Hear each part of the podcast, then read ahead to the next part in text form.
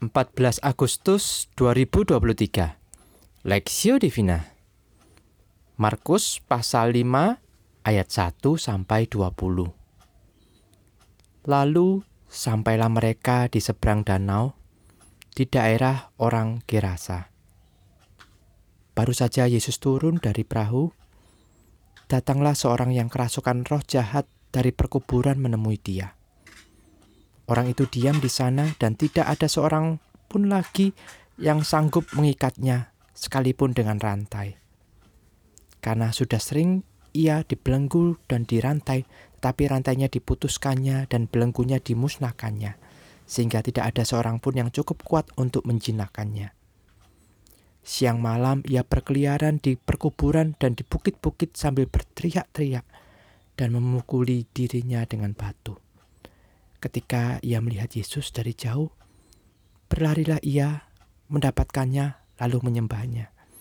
Dan dengan keras ia berkata, apa urusanmu dengan aku, hai Yesus, anak Allah yang maha tinggi? Demi Allah, jangan siksa aku. Karena sebelumnya Yesus mengatakan kepadanya, Hai engkau orang jahat, keluar dari orang ini. Kemudian ia bertanya kepada orang itu, Siapa namamu? Jawabnya, Namaku Legion, karena kami banyak.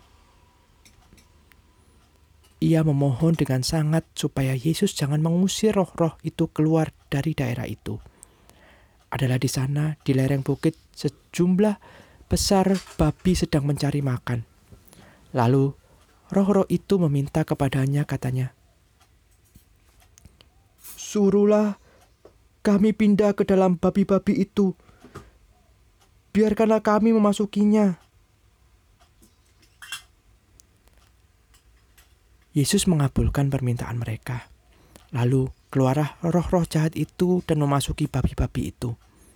Kawanan babi yang kira-kira 2000 jumlahnya itu terjun dari tepi jurang ke dalam danau dan mati lemas di dalamnya. Maka larilah penjaga-penjaga babi itu dan menceritakan hal itu di kota dan di kampung-kampung sekitarnya. Lalu keluarlah orang-orang untuk melihat apa yang terjadi.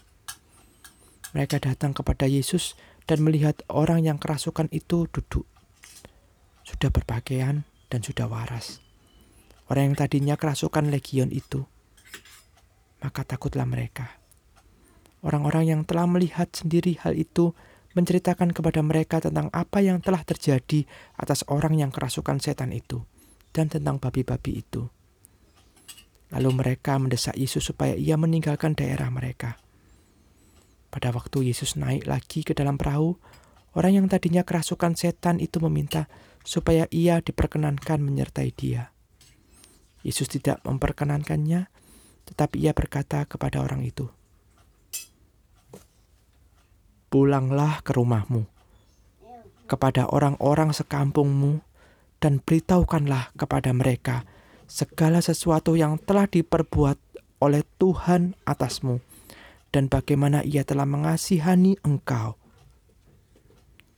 Orang itu pun pergilah dan mulai memberitakan di daerah Dekapolis segala apa yang telah diperbuat Yesus atas dirinya dan mereka semua menjadi heran. lebih mahal dari babi. Perspektif. Mereka datang kepada Yesus dan melihat oh, dan melihat orang yang kerasukan itu duduk. Sudah berpakaian dan sudah waras. Orang yang tadinya kerasukan legion itu, maka takutlah mereka. Markus pasal 5 ayat 15. Di sepanjang sejarah peradaban manusia, bermacam-macam barang bernilai fantastis telah dibuat sampai saat ini. Sampai saat ini setidaknya ada lima harta fantastis yang masih terhilang dan belum ditemukan. Pertama, ruang amber. Dua, sarkofagus menkaure. Tiga, tabut perjanjian Israel, empat pustaka perpustakaan Tsar Moskow, dan lima berlian Florentin. Semahal apa pun harta karun dunia di mata Allah, jiwa manusia yang terhilang dan terbelenggu si jahat adalah jauh lebih berharga. Perikop sebelumnya secara implisit menunjukkan bahwa Yesus secara sengaja mengajak para murid untuk menyeberang danau ke daerah orang Gerasa, salah satu kota Dekapolis yang terletak di 9,6 km sebelah tenggara Tasik Galilea. Markus pasal 4 ayat 35. Tujuannya adalah membebaskan seorang yang kerasukan roh jahat. Ayat 1 sampai 2. Kondisi orang itu digambarkan sangat buruk dan mengerikan. Pertama, tidak ada yang sanggup mengikatnya lagi sekalipun dengan rantai untuk menjinakannya karena ia terlalu kuat. Kedua, siang malam berteriak-teriak dan melukai diri sendiri. Ayat 3 sampai 5. Ketiga, dirasuki oleh roh jahat bernama legion. Ayat 9. Ini berarti ia sedang dirasuk dan dikendalikan oleh kekuatan jahat yang sangat besar. Meski demikian, orang itu dikatakan sangat ketakutan ketika ia melihat Yesus. Ayat 6 sampai 7. Ia tersungkur memohon agar Yesus tidak membinasakannya dan mengusirnya dari daerah itu. Ayat 10. Melainkan mengizinkannya merasuki babi-babi yang sedang makan ke sana, kira-kira dua ribuan ekor. Mengherankan, Yesus mengabulkan permintaannya. Orang itu dibebaskan dari roh jahat, diselamatkan. Sebagai gantinya, 2000 ekor babi terjun ke jurang dan mati semua. Ayat 13. Satu jiwa manusia ditukar dengan 2000 ekor babi. Saat ini mungkin setara, setara 6 sampai 7 miliar rupiah. Peristiwa ini menyatakan setidaknya dua kebenaran. Pertama, seburuknya atau sehancurnya hidup kita, masih ada harapan pemulihan dalam Tuhan. Yesus berkuasa atas segalanya. Ia sanggup memulihkan keadaan kita. Dua, setiap jiwa manusia sangat berharga. Yesus bukan hanya berkenan untuk ekor babi. Ia rela mengorbankan segalanya. Ia rela meninggalkan kemuliaan dan mati demi keselamatan kita yang berdosa ini.